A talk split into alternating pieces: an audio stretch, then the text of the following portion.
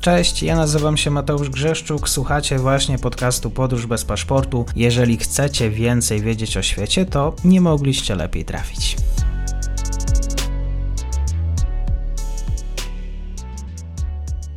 Dzień dobry wszystkim słuchaczom. Dzisiaj moim gościem jest pan redaktor Wojciech Jakubik, Business Alert. Wielka przyjemność. Dziękuję panie redaktorze za przyjęcie zaproszenia. Mi również bardzo miło. Dziękuję bardzo. W dzisiejszym tekście pisze pan redaktor, że los Nord Stream 2 zostanie rozstrzygnięty w sądzie lub na polu bitwy. Co do sądu wyobrażamy sobie to, w jaki sposób mogłoby się odbyć, ale bardzo ciekawi mnie to, co to za pole bitwy, gdzie ma swoją lokalizację. Niestety na Ukrainie, to znaczy nowy warunek wprowadzenia sankcji amerykańskich połączonych z sankcjami europejskimi wobec Rosji, to agresja na Ukrainie niesprecyzowana.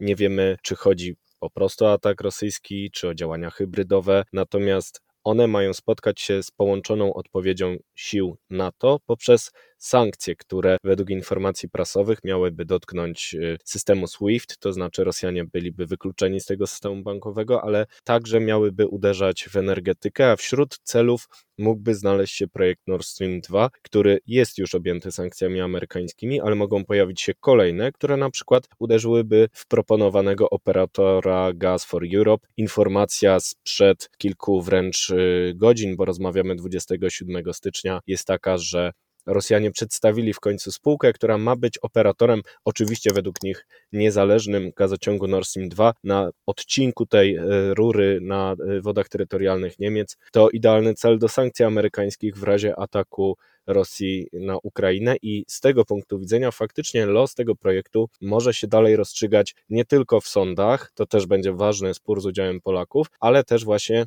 na polu bitwy. Oczywiście nie życzę e, światu ani nikomu nowej wojny na Ukrainie, ale to ryzyko wisi cały czas nad tym krajem. Czyli możemy wierzyć słowom rzecznika amerykańskiego Departamentu Stanu, który mówił, że gazociąg może nie ruszyć do przodu. Y, możemy wierzyć, że nas przekonuje do tego, a co zrobią Amerykanie, to się okaże, ponieważ w lipcu 2021 roku Amerykanie i Niemcy zarzekali się, że sankcje zostaną wprowadzone, jeżeli Rosja użyje gazu jako broni. Natomiast Rosja użyła gazu jako broni przeciwko całej Europie, podsycając kryzys energetyczny, ograniczając podaż gazu w Europie w sytuacji, kiedy są rekordowe ceny. I to działanie można tłumaczyć tylko w ten sposób, że Gazprom wbrew prostemu interesowi ekonomicznemu nie maksymalizuje sprzedaży, żeby zwiększyć sprzedaż gazu, tylko chce wymusić, czy to start właśnie Nord Streamu II, który fałszywie jest prezentowany jako źródło nowego gazu, czy to nowe kontrakty długoterminowe, jak chociażby w Polsce, która w 2022 roku kończy niesławny kontrakt jamalski, nie rozmawia o nowych dostawach w ramach takiego kontraktu z Rosjanami, a ci chcieliby nas na pewno przekonać, że warto podpisać znowu znowu taki długoterminowy kontrakt z różnymi kontrowersyjnymi zapisami. Ale to chyba nie świadczy o tym, że Rosjanie nie czują się jakby tak w klinczu, czy, czy Rosjanie chcą e, tylko teraz e, zachować twarz i no, ten brak pomysłu, jak wyjść z tej całej gry. Wydaje mi się, że Rosjanie świetnie wykorzystują taktycznie kryzys energetyczny do realizacji swoich długoterminowych planów, natomiast oni obiektywnie są cały czas w klinczu z tego względu, że stacji benzynowej Władimira Putina kończą się powoli argumenty. To ostatnie okienko możliwości, by wykorzystać energetykę przeciwko Europie, natomiast długofalowo te działania mogą się skończyć źle dla Rosji, ponieważ kryzys y, gazowy, kryzys energetyczny 2022 roku może być takim samym czynnikiem zachęcającym do uniezależnienia się od gazu z Rosji, jak kryzys naftowy w latach 70. XX wieku, który zachęcił Amerykanów do uniezależnienia się od ropy z Bliskiego Wschodu i to przecież on zapoczątkował rewolucję łupkową, bo to wtedy zaczęły się prace technologiczne na rzecz znalezienia sposobu na wydobycie e, ropy i gazu w Stanach Zjednoczonych po to, żeby w mniejszym stopniu zależeć od importu z Bliskiego Wschodu. To samo może stać się ze stacją benzynową Putina, może być coraz mniej chętnych na jej gaz i niech dowodem będzie fakt, że dekadę temu to Polacy mówili, że warto inwestować w gaz skroplony, czy to ze Stanów, czy to z Kataru, warto inwestować w złoża norweskie po to, żeby zmniejszyć zależność od gazu rosyjskiego. Dzisiaj minister gospodarki i energetyki Niemiec Robert Habeck, zielony, przekonuje, że Niemcy powinny inwestować w LNG, powinny inwestować w zwiększenie dostaw gazu z Norwegii, i mało tego powinny stworzyć strategiczne rezerwy gazu, takie, które w Polsce od y, kilkunastu lat funkcjonują na mocy ustawy o zapasach, więc mamy już pierwsze zmiany. Oczywiście nie jest tak, że Rosjanie e, przegrają, na pewno, że są na przegranej pozycji, natomiast długoterminowo trendy są przeciwko nim i należy patrzeć na to, co robią, także na Ukrainie, jako wykorzystywanie ostatniego okienka możliwości. Dobrze rozumiemy, Niemcy nie mieli żadnego systemu magazynowania? Niemcy nie mieli obowiązkowych zapasów gazu, takich jakie funkcjonują w Polsce czy na przykład we Francji. Mało tego, chcąc sprzedawać więcej gazu w Polsce jako pośrednicy na przykład w dostawach gazu rosyjskiego przez Nord Stream 1, który już funkcjonuje, kwestionowali ustawę o zapasach, lobując w Brukseli za interwencją, ponieważ twierdzili, że e, jest to ograniczenie rynku, że przecież bezpieczeństwo dostaw zapewnia e, płynna giełda, kryzys energetyczny zakwestionował te poglądy do tego stopnia, że teraz już nawet Komisja Europejska zastanawia się nad ogólnoeuropejskimi zapasami gazu dla wszystkich Europejczyków, bo widać, że bezpieczeństwo jest cały czas ważne i niewidzialna ręka rynku nie zawsze go zapewni, bo często ta niewidzialna ręka rynku to ręka Gazpromu, szczególnie w Niemczech, który, który to rynek niestety jest y, pełen pośredników Gazpromu, to raz, a dwa, Gazprom posiada udziały w magazynach gazu e, w Niemczech i przypadkowo to właśnie w tych magazynach jest najmniej gazu w Europie, bo są zapełnione w rekordowo nisko, niskim poziomie około 10%, a Polska która ma ustawę o zapasach, weszła w zimę z rekordowymi zapasami prawie 100%, teraz jest to 80% i bez problemu przejdziemy przez zimę nawet pomimo faktu, że Rosjanie ograniczają podaż. Czyli zawiodła niemiecka perfekcja, skrupulatność i nikt na te magazyny wcześniej nie spojrzał. Skąd ta decyzja? Nie chodzi nawet o precyzję, tylko o podejście do idei rynku gazu. Możemy podejść całkowicie liberalnie i założyć, że niewidzialna ręka rynku wszystko za nas załatwi, jeżeli będzie wystarczająca podaż gazu, która będzie wiecznie rosnąć przez to, że ten handel się opłaca. To jest taka klasyczna definicja, w duchu której rzeczywiście Niemcy patrzyli czysto ekonomicznie, na przykład na takie projekty jak Nord Stream 2, przekonując, że przecież jest tyle gazu, że jeśli by się coś stało z gazem rosyjskim, no to faktycznie są alternatywy ale kryzys energetyczny pokazał, że warto brać poprawkę na bezpieczeństwo, że jednak sektor energetyczny to sektor strategiczny, w którym mogą się zdarzyć sytuacje niespodziewane, sytuacje wynikające z polityki, której często nie rozumieją ekonomiści. I tak właśnie się stało, bo Gazprom przypomniał, że on jest głównym dostawcą gazu do Europy. 41% gazu w Europie pochodzi z Rosji i może w ten sposób wpływać na cenę gazu. Komisja Europejska oczywiście stwierdziła to w toku śledztwa antymonopolowego, natomiast jej reakcja była być może za mało stanowcza i Gazprom nie zmienia postępowania. To już jest recydywa w historii. Polacy do znudzenia powtarzają fakty na ten ten temat w debacie i dopiero kryzys energetyczny, fakt, że Niemcom także może zabraknąć gazu tej e, zimy, sprowokował realną dyskusję na, tej tema, na ten temat do stopnia, e, który powoduje, że nawet sekretarz generalny NATO, który teoretycznie nie powinien mieć nic wspólnego z handlem, zajmuje się handlem gazem, ponieważ jest to sprawa polityki zagranicznej i bezpieczeństwa państw członkowskich NATO. Z tego co się orientuję, magazyny gazu Gazpromu to nie tylko Niemcy, ale i sąsiednia Holandia czy Austria. Oczywiście, tak. Niemcy posiadają magazyny gazu w Europie Zachodniej w Niemczech, Austrii, w Holandii, posiadają udziały w tych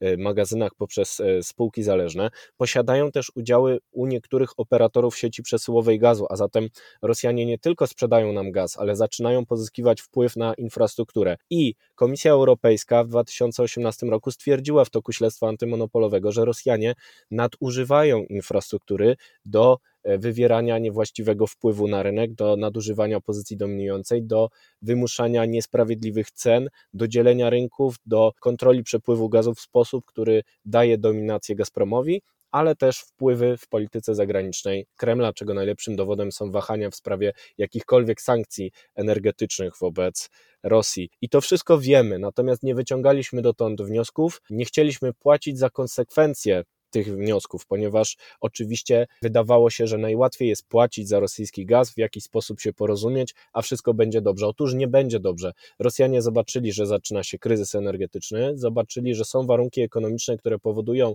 że gaz będzie drożał, że będzie na niego większe zapotrzebowanie, wykorzystali taktycznie tę sytuację. To nie jest jakaś wielka strategia napoleońska, tylko znowu taktyczna reakcja na sytuację, w której Rosjanie są świetni i teraz wykorzystują to okno możliwości, żeby wymusić na nas zmianę postępowania. Tymczasem aktywna polityka zagraniczna i bezpieczeństwa państw zachodnich, Polski, Stanów, Niemiec powinna prowadzić do tego, żeby to Rosjanie nauczyli się funkcjonować na cywilizowanych warunkach rynku gazu, który my tutaj tworzymy w Europie. Jeżeli my ulegniemy tej pokusie łatwego rozwiązania, czyli jakiegoś nowego kontraktu długoterminowego na długi czas, na 10 lat z Rosjanami, po to, żeby tylko gaz przez jakiś czas był tańszy, no to zaprzepaścimy dziesiątki lat dywersyfikacji wspólnej polityki e, na rzecz uniezależnienia się od gazu z Rosji i wtedy faktycznie Rosjanie wygrają tę rozgrywkę, ale wojna nerwów trwa i faktycznie zwolennicy uniezależnienia się od Rosji mają w ręku kolejne argumenty. Gazprom w jakiś sposób chce wmówić Europie, że jest skazana na wysokie ceny gazu w przyszłości, a czy Gazprom widzi to, że Europa nie jest aż tak uzależniona, jakby sobie życzył Kreml? To zależy, która część, bo znowu gubi nas y, spojrzenie zbyt y, ogólne na sytuację. Mamy obszary w Unii Europejskiej, które są całkowicie niezależne od gazu z Rosji, na przykład Hiszpanię, która posiada dużą ilość terminali LNG, jest połączona z zachodnim rynkiem gazu, tam nie ma problemu. Natomiast są kraje takie jak Bułgaria, które w 100% są cały czas zależne od gazu rosyjskiego i trudno im sięgnąć po alternatywę. Dlatego wspólna polityka energetyczna powinna polegać nie na tym, żeby zadowolić się stanem obecnym, w którym niektórzy są bardzo niezależni od Rosji, a inni są bardzo zależni, ale po, powinna polegać na tym, abyśmy stworzyli nasz rynek gazu niezależny od rosyjskiego Gazproma, aby każdy w Unii Europejskiej mógł liczyć na sprawiedliwą cenę, bo zależność od gazu z Rosji kończy się nie tylko problemami politycznymi, ale także wyższą ceną i największym oszustwem sprzedawców y, rosyjskiego gazu jest przekonanie, że im więcej gazu rosyjskiego będzie w Europie, tym niższa będzie cena. Będzie odwrotnie. Właśnie nawet uruchomienie spornego gazociągu Nord Stream 2 może paradoksalnie podnieść ceny gazu w Europie Środkowo-Wschodniej, zamiast je obniżyć, więc nawet argumenty ekonomiczne przekonują za tym, żeby cała Unia Europejska mogła się cieszyć rozwiniętym rynkiem gazu, którym cena jest kształtowana przez płynną giełdę, a nie przez y, kaprysy polityczne autokratycznego reżimu na Kremlu. Pytanie tylko, czy jesteśmy w 100% przekonani, że ta Europa, też przywołana przez pana redaktora Bułgaria, chciałaby się oduniezależnić. W dokumentach strategicznych y, tworzonych na poziomie Unii Europejskiej dywersyfikacja jest odmieniana przez wszystkie przypadki od kilkudziesięciu lat. Teoretycznie, formalnie jesteśmy zobowiązani do uniezależnienia się od gazu z Rosji, wszyscy jesteśmy formalnie podpisani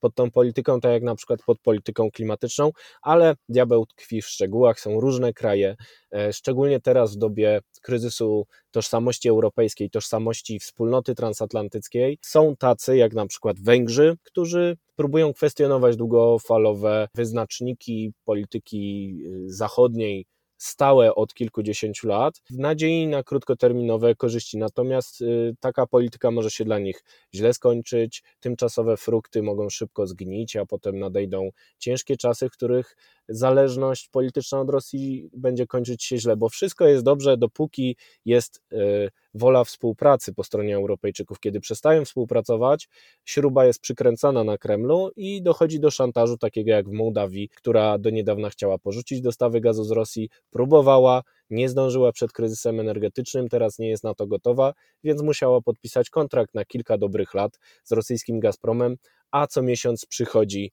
komornik rosyjski i oczekuje płatności, na które Mołdawii nie stać i umowa jest tak zaplanowana, żeby jej nie było stać, żeby można było ją szantażować. Umowa jest tak dokładnie zrobiona, żeby Mołdawianie mieli problemy z płatnością, ponieważ Rosjanie mogą, ponieważ nikt im nie zabronił.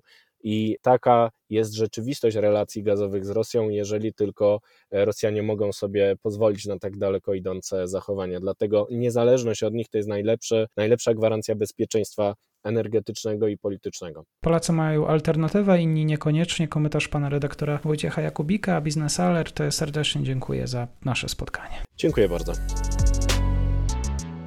I to już koniec na dzisiaj. Zapraszam na profil podcastu Podróż bez paszportu na Facebooku, Instagramie i Twitterze. Zachęcam też do wsparcia mojej pracy na serwisie Patronite oraz Buy Coffee. Do usłyszenia.